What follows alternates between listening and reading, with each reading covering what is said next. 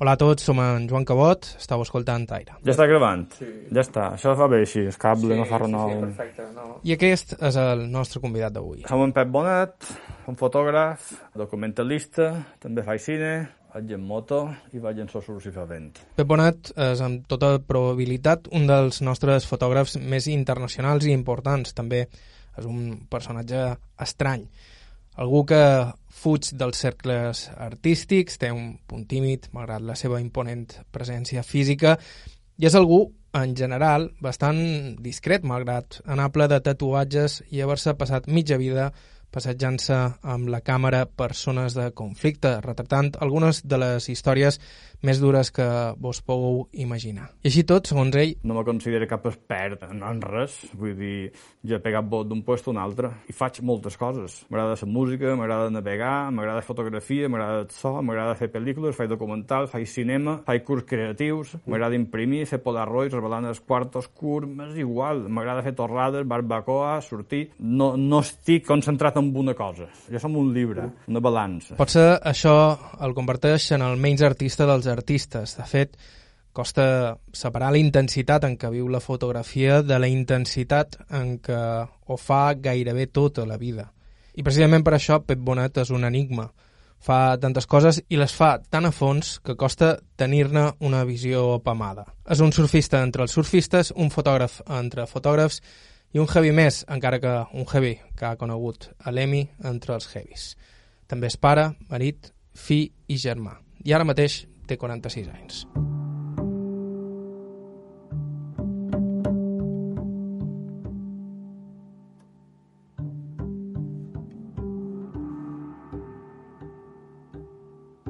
Vaig néixer a la colònia de Sant Jordi, el 1974, l'època dorada del turisme, i bàsicament molta de la meva família ha, ha viscut i sobreviscut gràcies al turisme. Mon pare abans tenia una, una empresa d'excavacions, excavació en Bonet, i ma mare ha fet feina tota la vida del turisme.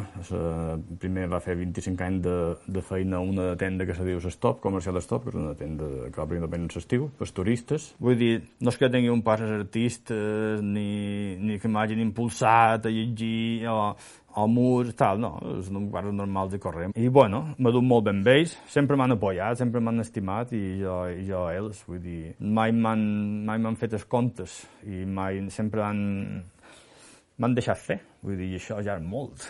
La família de Pep Bonet era de les que vivien tot l'any a la colònia de Sant Jordi, una geografia que, com tota l'illa, ha mutat sense remei pel seu contacte amb la indústria turística. Ell, però, la recorda com un espai on créixer amb una llibertat difícil d'imaginar avui en dia i a la vegada prou estimulant com per no sentir-s'hi ofegat. Ha canviat molt.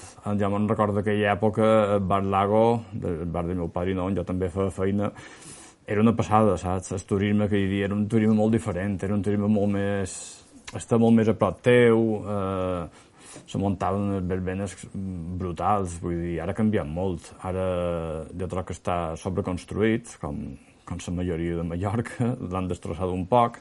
La colònia encara té llocs molt, molt, molt, molt guapos, són la playa de Dol, d'Escarbó, eh, el Marquès, quan ja, si ja tires cap a extrem, vull dir, té platges molt guapes, però trobo que està un poc sobrepoblat, sobretot en l'estiu. Molta gent de Palma també té una segona casa, en Sirena és un poble un poc desert i en, i en l'estiu està tot bé.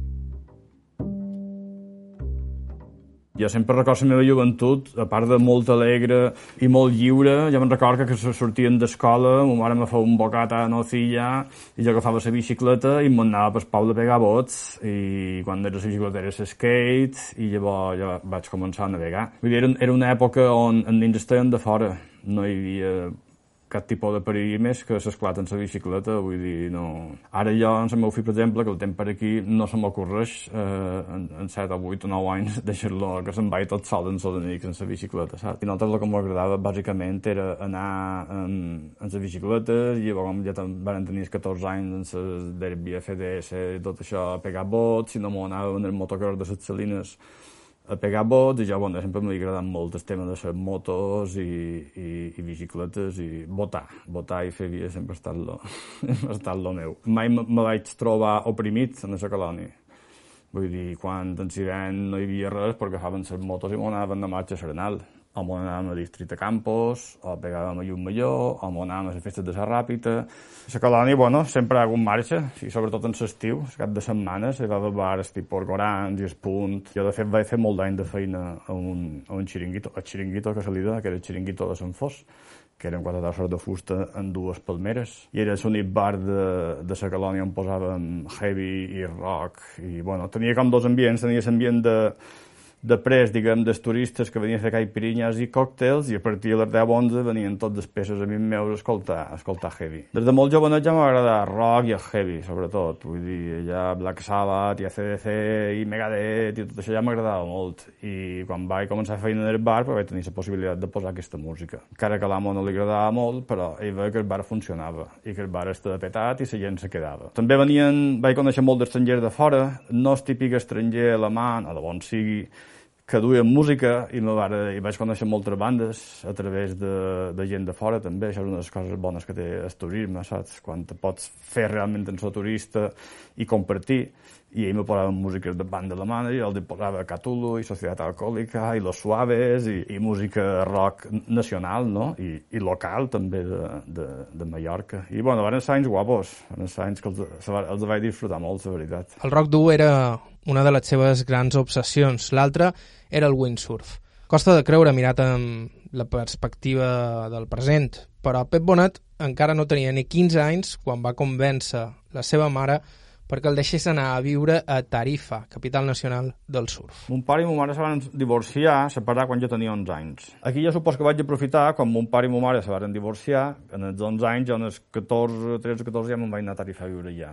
I ja li vaig dir a ma mare que volia a Tarifa, que, bueno, no va un perit de condicions, era que me'n vaig anar amb Ventit, amb Baltasar Barcelona de Porreres, que també competia, i la condició era que no podíem viure tots sols, sinó que havíem de viure una casa on hi hagués una dona o una família que mos cuinars i tot això. La varen trobar i mos varen anar allà. I al cap d'un any ja mos varen poder autònomos. Com era el món de Tarifa? Cada Va, Tarifa era una passada. No té res que veure el que és ara. Ara tots són caits i cometes, molt de madrilenyos. Sempre hi havia hagut madrilenyos en l'estiu, quan hi havia la festa, Pepe Botamos, La Ruïna, però era un, allò eren els anys jo vaig pillar els anys realment, realment, que hi havia molt poca gent navegant. Hi havia molt poca gent navegant i hi havia moltíssima gent competint. Vull dir, les competicions d'abans hi havia més de 100 regatistes. Ara te'n vas al Campionat d'Espanya i si n'hi ha 25 ja és la hòstia. Hi havia sponsors. Jo vivia de navegar.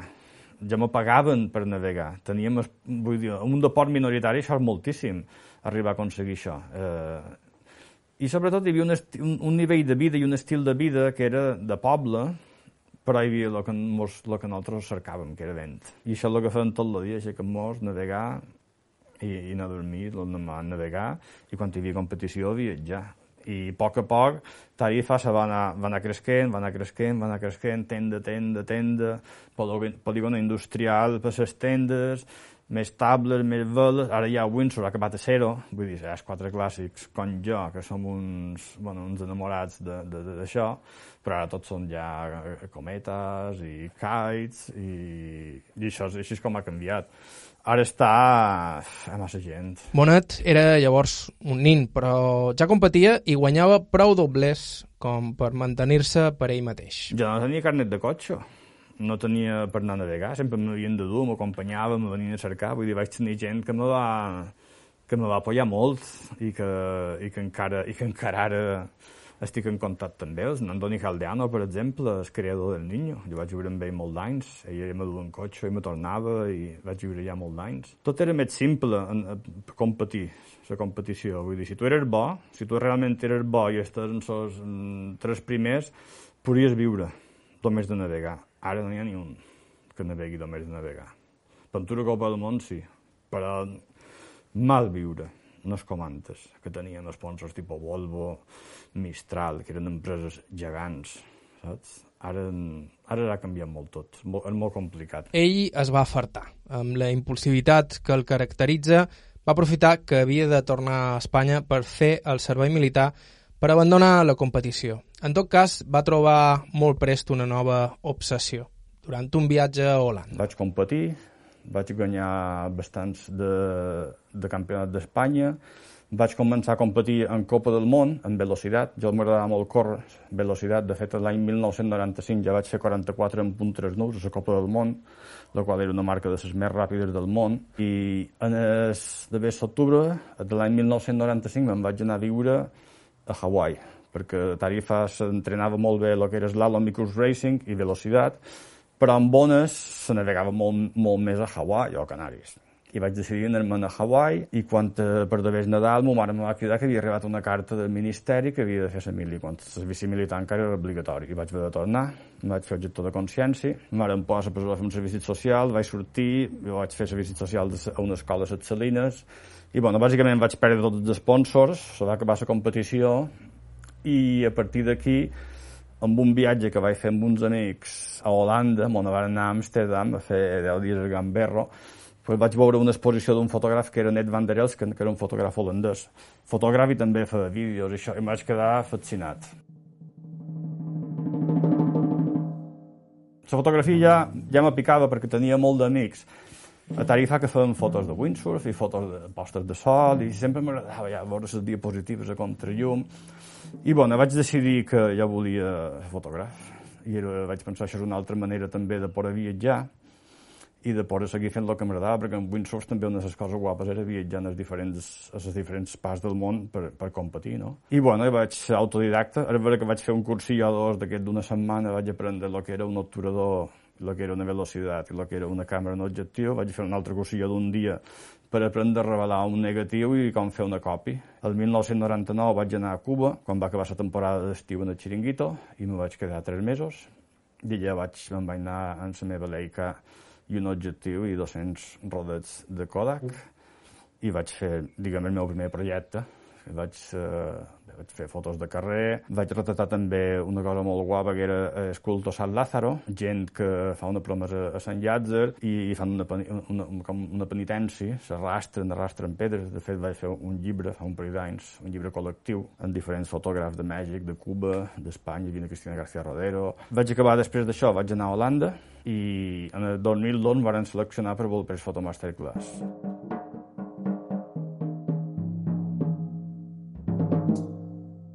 I jo vivia un carrer que era Single, un carrer bastant cèntric a Amsterdam, i a 30 metres de, de la casa on jo vivia hi havia una organització, una ONG, que és la World Child, Nits de la Guerra i quan ja me van seleccionar per Volpre Photo Masterclass, havia de fer una història per presentar, i tenia tres mesos. I se'm va ocorrir entrar en aquella ONG i dir, he d'anar a fer una història. I mentre esperava, mirava els postes i vaig veure Sierra Leona.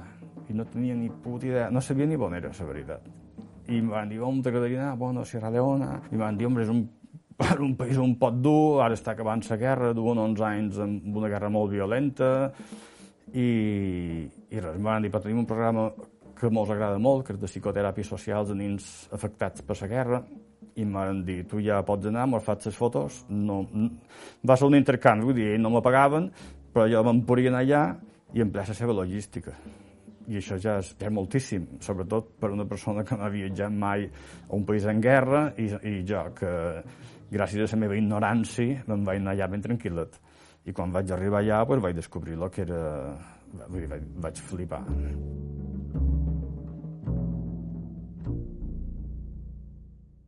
I vaig fer eh, una de les històries més, més potents que he fet. I a Sierra Leone vaig continuar anant de l'any 2002 fins a l'any 2006 o 2007. Va ser un projecte a llarg terme. I me va dur guanyar molt de premis, com el Fotopress, el Press Foto, els premis de fotoperiodisme holandès... I bueno, va ser un projecte que també me va dur en d'altres projectes, a col·laborar amb Metges Sense Fronteres, a col·laborar amb moltes ONGs i vaig començar a fer feina de fotoperiodista. Pep Bonet es passaria els següents anys visitant alguns dels països i racons del món més castigats, retratant situacions duríssimes i tot va començar amb aquell primer viatge a Sierra Leona. Estau escoltant Aire a IB3 Ràdio, fem una breu pausa i continuem.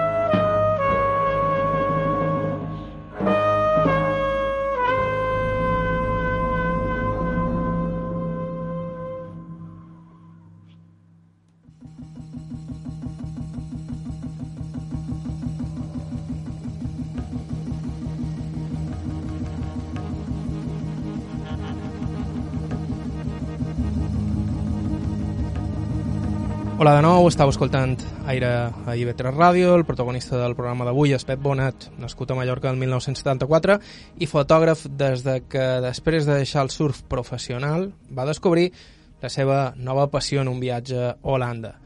Una nova passió a la qual es va llançar de cap, sense mitges tintes, directe a algunes de les zones més perilloses del món. A través de World Child, com que hi feien psicoteràpia social, teníem molt de contacte amb el doctor Naim. El doctor Naim era el director de l'Hospital Psiquiàtric de Sierra Leona, Kissy Mental Home. I aquest hospital psiquiàtric era un desastre, perquè tenien a tothom encadenat, eh, hi havia gent amb estrès posttraumàtic, hi havia gent que havia patit conseqüències brutals de la guerra, hi havia gent que havia hagut de matar la seva pròpia família, hi havia gent que havia estat torturada, vull dir, tenien un, una quantitat de gent amb problemes psicològics bèsties, i no hi havia ni tractament, ni hi havia gent preparada per tractar aquesta gent. L'únic que tenien allà eren cadenes i tenien la gent encadenada en terra i se pixaven, se cagaven damunt. I el primer pic que vaig entrar aquí vaig al·lucinar, vaig dir, hòstia puta. Aquesta hòstia puta me va encendre, me va encendre el cap i vaig fotografiar molt i vaig fer fotos molt radicals d'aquí.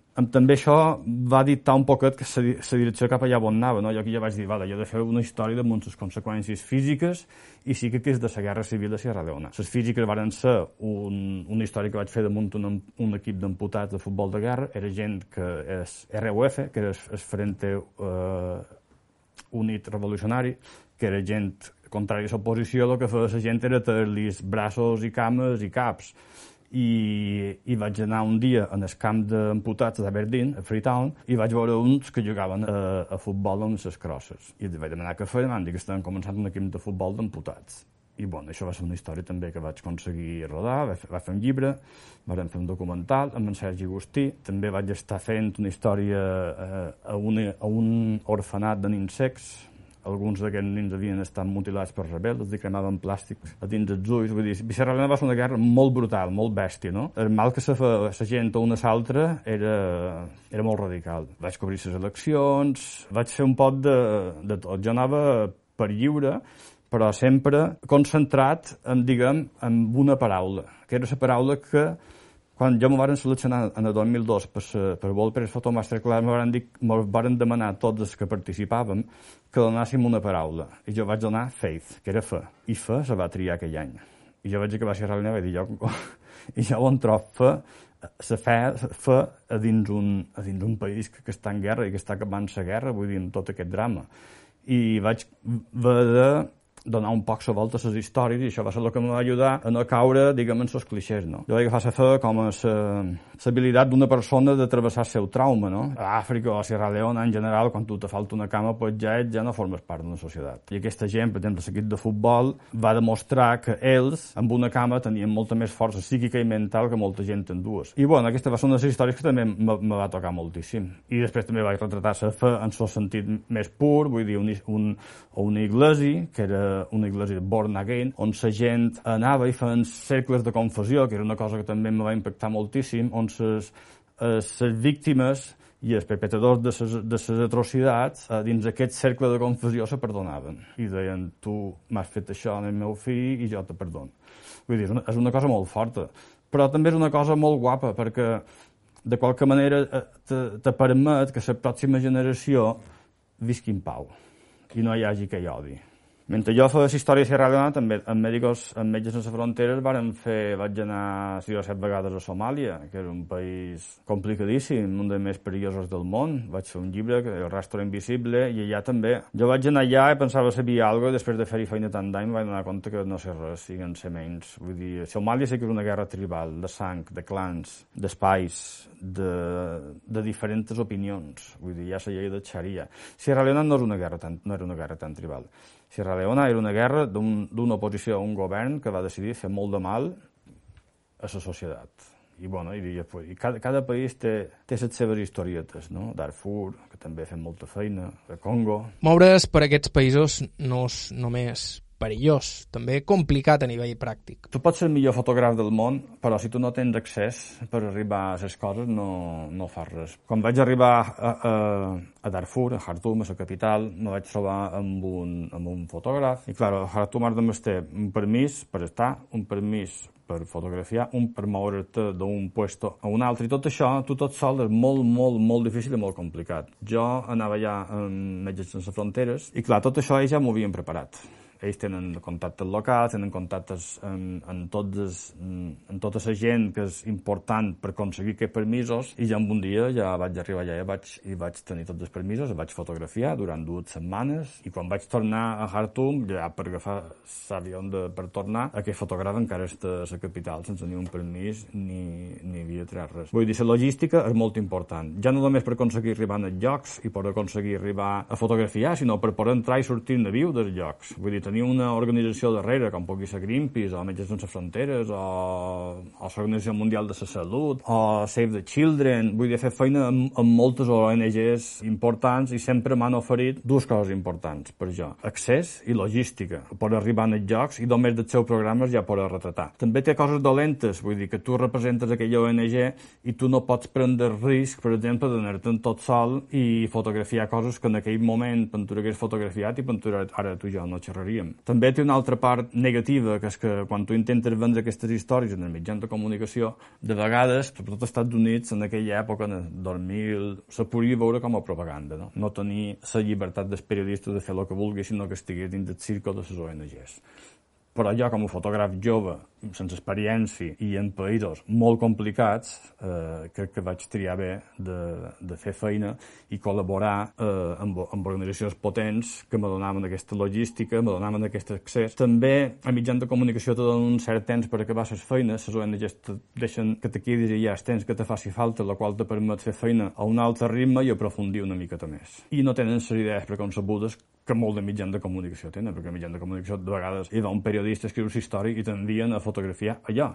I de vegades, les idees preconcebudes que tenen la gent d'una revista, eh, sigui París, sigui Nova York, sigui Anglaterra, tenen poc que veure amb el que està passant en el lloc.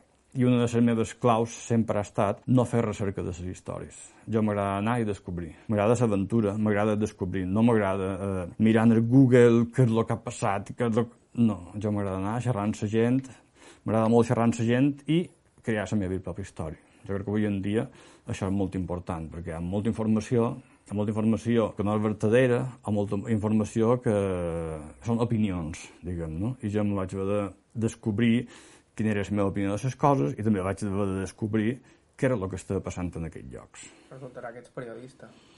No ho sé, mai m'ha agradat no t'agraden els periodistes. No m'agraden els periodistes.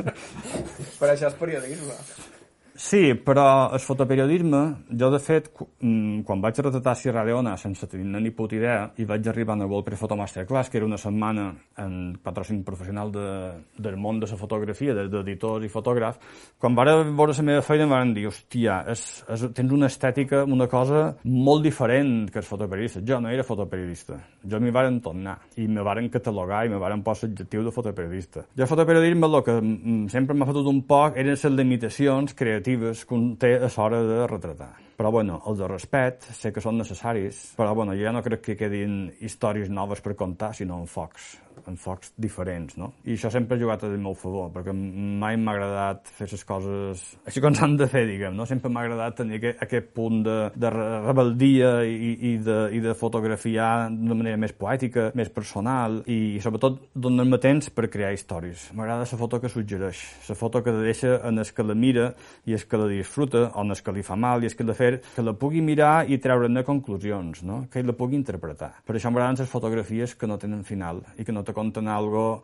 exactament de lo que ha passat, sinó que tenen una aura i tenen una coseta que te permet navegar-hi i te permet formar-hi part.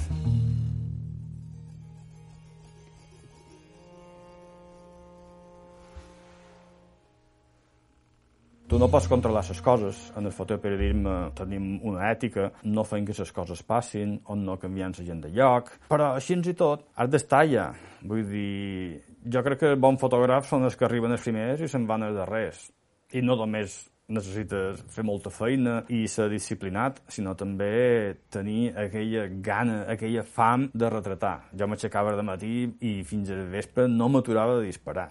Encara que hagués mala llum, encara que plogués, tenia fam de veure i de descobrir. Això és el que necessita un fotògraf, sobretot jove. Així com van anar passant els anys, me vaig calmar un poc més i vaig començar a fer feines un poc més filosòfiques, un poc més conceptuals, un poc més pensant que és el que volia contar, amb un poc més de perspectiva de lo que és història de fotografia, amb un poc de perspectiva del que és el que ja he fet, i no m'ho vull repetir, perquè jo mai m'he repetit com a fotògraf. Vull dir, jo sempre m'ha agradat el repte estètic de la fotografia que formàs part del meu camí. Sempre he agafat coses que no sabia fer. Sempre m'he liat en càmeres, en tipus de negatius, amb, amb, amb coses que me quedassin llunyanes, perquè per jo el camí, una vegada he après una cosa i, i, i l'he sabut executar i he tingut tingut èxit, jo no puc tornar a fer un altre, no puc tornar a repetir. Això tinc alguna que me crema de dins que mai mai m'ha permès agafar, agafar aquest, uh, aquest camí fàcil, vull dir. I amb aquesta idea en ment, Pep Bonat ha anat deixant de costat a poc a poc el fotoperiodisme. Fa 6 o 7 anys vaig començar ja frustrat ja de la fotografia, i no només de la fotografia, del mercat, del mitjans de comunicació, dels editors, de, de, dels artistes fotògrafs, tot això vaig dir, saps què? I també perquè les càmeres van començar a fer vídeo. Nikon, les primeres càmeres, jo faig fa molt d'anys que estic en, som ambaixador de, de Nikon, i quan aquestes càmeres varen començar a fer, a fer vídeo, jo vaig començar a fer documentals i vaig canviar de fotografies a imatge en moviment i vaig això molt més interessant, ja no som jo que d'explicar o que d'escriure un peu de foto d'una història que està passant, ara la història ja me conta la gent. I puc fotografiar ben igual, vull dir, en la càmera de vídeo també en quadres i també fas coses molt maques, molt guapes, molt fortes, molt potents. Vull dir, he fet històries molt potents en vídeo. I, I també va arribar un moment a la meva vida on jo havia estat pare. També se va crear una sensibilitat, per exemple, quan vaig fer El infierno más bonito que conozco, amb en Jorge Muñoz, pediatre, que és el pediatre del meu fill, en Marc, i me'n vaig anar amb ell al xat i allà vaig descobrir, a través de documental, una, un, saps, varen viure dins d'un hospital durant dues setmanes i va ser mortal. Vull dir, de les poques vegades que jo he hagut de, he hagut d'aturar de, de filmar o de retratar i de dir, no puc més, tio, això no ho puc veure.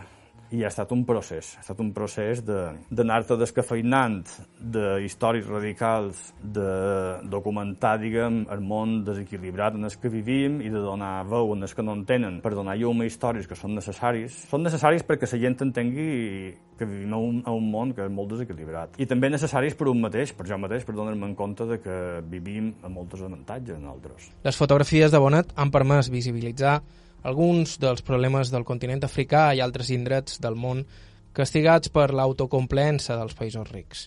Però ell sempre ha fugit bastant dels llocs comuns i el discurs fàcil i maniqueu. La seva idea era que mostrar allò, que la gent comprengués que aquestes coses passen en el nostre mateix món que estan passant ara, hauria de ser prou com perquè la gent reaccionés. Jo tampoc som radical en, en, en, sa, sa, ses opinions de la gent, ni som un, un activista radical, ni som vegano, ni vegetarià, ni saps. Jo som una persona normal i corrent que ha tingut la sort o la desgràcia d'arribar a conèixer molt de món i d'arribar a conèixer moltes històries que m'han ajudat a, a, a formar-me jo. I això és el que intento transmetre. Vull dir, jo de nin era molt, molt tímid, molt. Era gordete, se ficaven en jo, jo me va costar moltíssim sortir, però va ser agafar una càmera de fotos, perquè la fotografia és confrontació. Vull dir, no sé que faig fotos de, de flora i fauna insectes, però si tu surts el carrer i fas la fotografia, que ja m'agrada, que és de confrontació, la d'agafar qualcú i confrontar també en la càmera, això va ser per jo el meu psicòleg. Vull dir, jo vaig sortir d'una bimbolla a través de la fotografia, encarant-me la gent, i això m'ho va fer créixer molt. També el va dur a viure experiències que Keinin, nascut a la colònia de Sant Jordi el 1974, mai podria ni haver somiat. Això és Aire, estàu escoltant IB3 Ràdio, fem una breu pausa i continuem.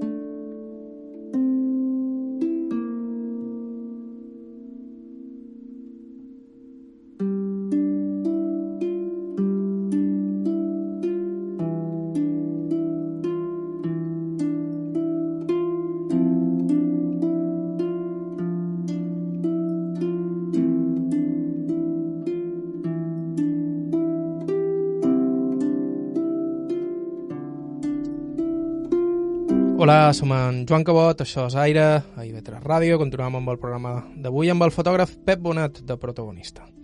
Abans de continuar, vos recordam que podeu escoltar el programa des del principi i tots els programes anteriors a través de ib3.org o bé via podcast. Ens trobareu a Apple i Google Podcasts, iVots i qualsevol servei similar. Reprenem la història de Pep Bonat, algú capaç de ser campió d'Espanya de windsurf d'adolescent, abandonar la competició i tirar-se de cap a la fotografia per convertir-se en un dels fotoperiodistes amb més renom internacional. Probablement tot això implica talent, segur, però sobretot implica prendre's les coses amb una intensitat inhumana i fins i tot un punt malsana. I ell en absolut ho nega. Ja som molt obsessiu. Jo si algo me pica, he de gratar. I grat, i grat, i grat, fins que ho trob. I m'agrada prendre-me les coses en sèrio. I això en, to, en, en tot lo bo i tot lo dolent. Vull dir, ja, quan la meva dona veu que ja duc una corolla d'algo, ja, ja, tre, ja tremola. Eh, deu ser insuportable. No? Jo som insuportable. Tot el dia i tot el vespre som insuportable. Perquè és mal de fer que me vagin darrere. Ara també m'agrada molt la família. Vull dir, ara que el virus aquest m'ha estancat aquí, he disfrutat d'estar amb el meu fill, amb la meva dona, eh, mirant el meu arxiu, de revelar, saps, d'agafar coses, de replantejar-me la vida. Reprens coses i fas coses que normalment no tens temps. I jo crec que és una putada, això del virus, sobretot per la gent que, que, que ha mort i, que, i tot, esa, tot l'impacte econòmic que ha tingut, però això m'ha donat també... M'ha deixat respirar un poc. Un exemple d'aquesta personalitat intensa i obsessiva. L'any 2018, Pep Bonat era el fotògraf oficial de la prova de velocitat de Luderitz, a Namíbia. Una prova on competeixen els windsurfistes més ràpids del món i on el vent t'empeny amb una força increïble. I amb més de 40 anys i després de 20 allunyat de la competició professional, Pep Bonat va batre el rècord d'Espanya amb una velocitat per damunt dels 50 nusos, una autèntica salvatjada. Bueno, jo m'ha agradat molt l'adrenalina, m'han agradat molt les motos, m'ha agradat molt eh, sempre trobar-me els límits, no? I fins que no m'acollen no poses freno. I, I això és el que vaig veure a Namíbia. I a Namíbia encara no pot freno jo era càmera de, de, oficial de l'event, no? Vull dir, jo arribaven tots els professionals, jo els entrevistava i ells m'explicaven allò, el que era anar 50 nus, lo que tal, coses molt complicades, coses... De, realment hi havia que xerraven de la vida i n'hi havia que xerraven dels mateixos, hi havia gent molt egocèntrica, hi havia gent molt humil, i tothom explicava la seva història, no? I jo després d'entrevistar tothom, quan me vaig ficar dins Saigo, la gent de, de deixeu ficar-se aquest tio dins Saigo, que se matarà, perquè hi ha gent que s'ha pegat accidents molt bèsties allà, saps? Molt bèsties. És molt estret, qualsevol fallo hi ha un muro a l'esquerra i t'estampes. I quan vaig passar 50 minuts allà, ja va... la gent se va quedar un pot descol·locada, no? I, no en tenien, i llavors jo els vaig explicar que jo era un surfista professional, que ho vaig deixar en el 95, i que jo ja havia fet velocitat molt d'anys. Però, clar, jo du molt d'anys sense navegar, i molt d'any de motorhead i rock and roll, jo no feia de port, no feia res. Vull dir, i arribar allà i com sempre, en la meva ignorància i en les meves ganes i en les meves obsessions i jo he de fer, i jo he de fer, i jo he de fer pues me vaig, me vaig automotivar i no vaig poder frenar i me va tornar, me va tornar dur a navegar en el Windsor, una cosa que jo mai havia pensat.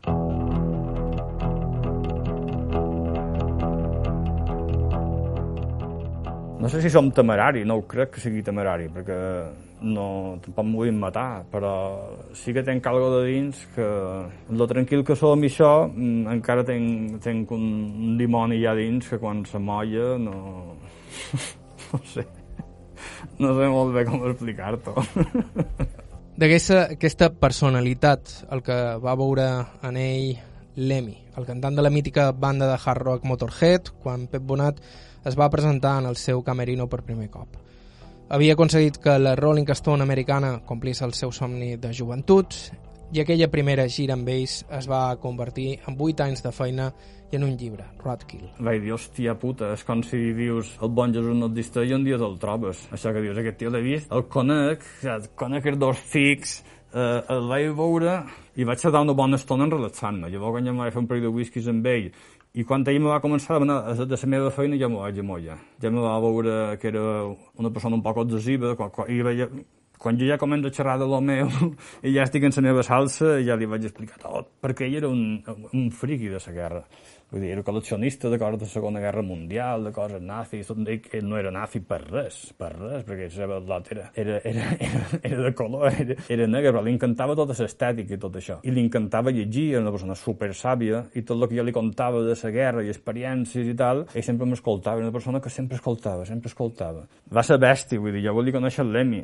També vaig, vaig estar molt a Los Angeles, vaig, vaig estar a l'Emi, l'Emi me va regalar el seu capell, regalar... En l'Emi tenc dibuixos fets seus, on me dibuixava amb un nas, amb un objectiu, em va explicar tot el que havia fet en la seva vida, vull dir, tot el d'en Jimi Hendrix, el de Rowdy, tot el que s'havia drogat, tot el que havia fet, me donava lliçons de, de sa vida, era com un pare, vull dir, van agafar una relació molt guapa, i amb en Phil també, i amb en Mickey també. El que eren, jo pensava anar a fotografiar una banda, i no era realment una banda, eren tres persones, amb tres camerines diferents, i tres vides totalment diferents que no tenien res que veure una amb l'altra. I jo m'anava dividint amb una, amb una i l'altra. De fet, una de les fotos que surt en el disco quan t'obris l'LP de Walt Is Yours són ells tres damunt l'escenari quan acaba una prova de so que s'hi un moment. I jo aquestes fotos, clar, tenia molt, molt poques, molt, molt poc moment per fer-les, ells junts. Perquè jo no volia també fer fotos de concerts perquè això ja, ja ho havia fet, i el trobo avorridíssim, em vaig fer, em vaig fer tot i plen, però bueno, no era el que cercava, jo cercava la intimitat d'una banda, mostrar l'especial que era aquesta banda i, i mostrar-los en dignitat, no? i crec que ho vaig aconseguir. Ja feliç, ara ja trist, perquè a darrer pic que vaig anar a Los Angeles va ser per cumpleaños d'en Lemmy, que me va convidar a amb la meva dona, perquè hi era 12 de desembre, fa 40 anys, i el Lemis 13 celebrava la festa de 70 que ser el darrer pic que el vaig veure, i llavors ja tres setmanes després vaig tornar a Los Angeles per el seu funeral.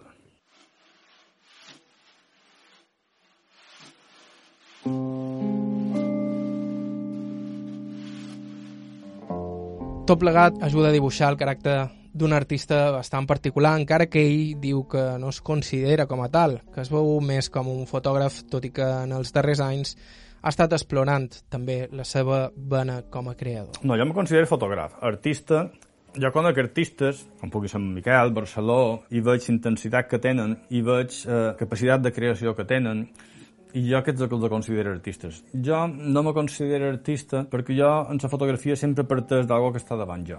Vull dir, això de partir de zero amb un paper en blanc m'acosta considerar-me artista. És vera que els darrers anys, ara duc 4 anys fotografiant a Mallorca, que és algo que mai havia aconseguit, ho vaig aconseguir fer arrel del documental que vaig fer el de la Terra, que és una història molt potent, un llargmetratge de sis personatges molt canyeros. Hi ha en Jaume Sant Andreu, hi ha en Santi Oliver, també, bueno, ets drogadit, campió del món de blockart, hi havia Bel Llinàs, víctima de violència masclista, na Margalida Bové, que era la dona d'en Puig Antic, històries potents. I ara, fa 4 o 5 anys, vaig comprar un estoc de Polaroid que quedava quan ja va desaparèixer aquest tipus de pel·lícula i vaig començar a retratar a Mallorca. La Mallorca i els mallorquins que per jo són importants. Vull dir, jo tinc una, una mica a Mallorca, lo del turisme, tot i que la meva família eh, hi viu i ha viscut molts anys, me fot bastant veure una illa tan, tan saturada i unes construccions, i vas aquí baix, a Cala Major, veuràs que això és, és, és terrible, no? I aquest projecte tracta dels mallorquins i de la gent que és molt potent i que no, i que no té un nom i que i tot, sobretot per intentar donar una imatge de Mallorca autòctona i artística, aquí és on volia arribar, on jo sí que me sento un poc artista, perquè aquí sí que jo tinc una imatge dins el meu cap i és que vull que vull que aquestes fotos reflexin, no? I aquí sí que me sent més que artista creador. I això és una de les coses que el fotoperiodisme mai, mai m'ha deixat fer, crear. I el fotoperiodisme se suposa que has de documentar. No hi ha aquest espai de llibertat per la creació, perquè tu has de documentar el que passa davant tu. Hi ha gent que decideix formar part, hi ha gent que decideix no formar part, hi ha gent que decideix estar d'una banda o estar d'una altra, o simplement eh, objectiu, una paraula que jo me toca moltes collons, objectiu. Tu no pots ser objectiu, jo m'agrada la subjectivitat. Jo arribo un puesto i sé en aquí estic i en aquí ho dic. De fet, jo per fer feina no puc tenir un terme mig. Jo necessito estimar o odiar. No puc estar allà al mig com un... Que, no, això no, això no, no, no ni fu ni fa, no m'involucro. No, jo sí que m'involucro i pens que jo no està bé o jo està molt bé. I aquestes dues coses són dos punts de partida per jo poder fotografiar. I Mallorca i la gent que estic fotografiant els estim molt. Per això me permet, per primera vegada, retratar i fotografiar com ho feien fa cent anys, amb una càmera de plaques, amb una pel·lícula de Polaroid instantani amb un procés molt creatiu que després en el laboratori em lleixiu, destrueix aquest negatiu, un procés molt llarg, molt laboriós, molt artesà, i aquí sí que Pintura me podria considerar un poquet artista.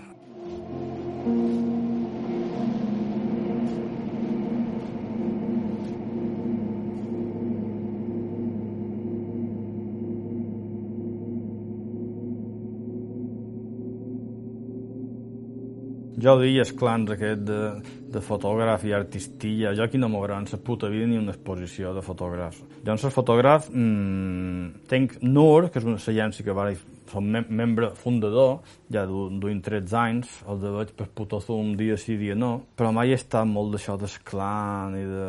Jo m'agrada ser, ser honest i ser mm, assequible, saps? M'agrada molt l'educació he donat molt de tallers, moltes conferències, m'agrada compartir, m'agrada molt compartir. Però no som molt de clubs de, de, de fotògrafs. D'aquí a Mallorca no xerren cap fotògraf. Tenc amics, Antoni Mangual i tal, però no, no, no, no mouràs exposicions ni, ni, ni lluitant per dret de fotògraf ni tot això. No, perquè no he estat allà i no, no m'agrada. No m'agraden les conversacions de fotògrafs. No m'agrada xerrar de feina. M'agrada el que li agrada a tothom, tio. Anar a un bar, fer cerveses, escoltar música i xerrar de la vida i fer barbacoa, hòstia, ja tot l'altre... Ah, sí, vull dir, depèn des, de, de, de, de la quiralla que dugui, saps? Això depèn de... Posa fotografia no... Per jo ja és un dia a dia, vull dir, jo visc d'això. Ara mateix Pep Bonat torna a estar ficat de nou en el surf, en la mateixa intensitat que quan era un nin, però amb la pell sense un centímetre lliure de tatuatges.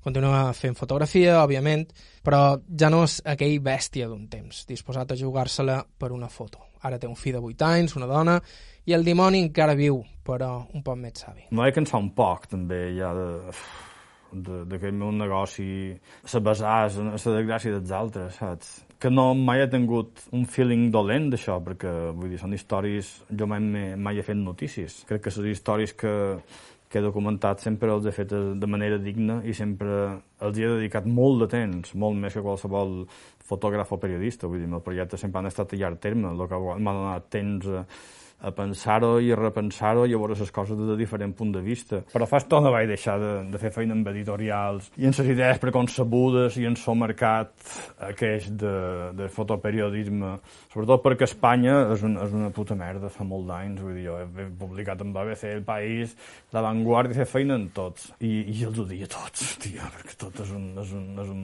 Vull dir, les revistes fa molt d'any que te diuen el que has de menjar, el que has de cagar, el que, el que t'has de comprar, a molt poques revistes donen espai per històries realment importants, o per, per gent que realment se banyi i diguis, hòstia, aquesta història val la pena donar-li.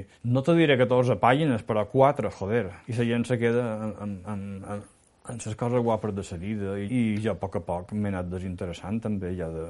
Segueix fent, vull dir, he fet documentals de, tràfic de persones, segueix fent feina dura, duríssima, però ja no, ja no tinc aquella, aquella fam i aquella ambició de, saps, ara m'ho agaf amb un altre, amb un altre, amb un altre ritme i amb una altra estètica i pensant més, com que tenc més visió, eh, ja som més vell, pens en, en quin pot ser l'impacte d'aquesta història que realment pugui portar un canvi. Perquè realment tot el, fotoperi tot el fotoperiodisme que he fet jo sempre he pensat que no ha canviat res, saps? Que és una manera un poc així de miraró un poc trista, però la gent és que no ho vol veure. I si la gent no vol veure i tu els mostres per morros, doncs la gent també s'arriba a cansar.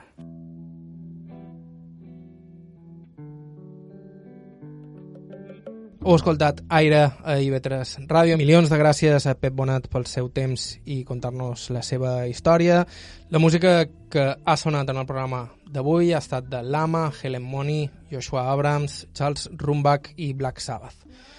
Podeu escoltar aquest i tots els programes anteriors a ib3.org i ib3alacarta.com i també vos podeu subscriure al podcast del programa a Apple Podcasts i serveis similars. Ens podeu seguir a Facebook i Instagram i enviar-nos idees, comentaris, suggeriments a aire.ib3radio.com. Bàrbara Ferrer, a la producció executiva, direcció, guió, edició d'àudio i locució, càrrec de qui vos parla, Joan Cabot. Gràcies per ser a l'altre costat.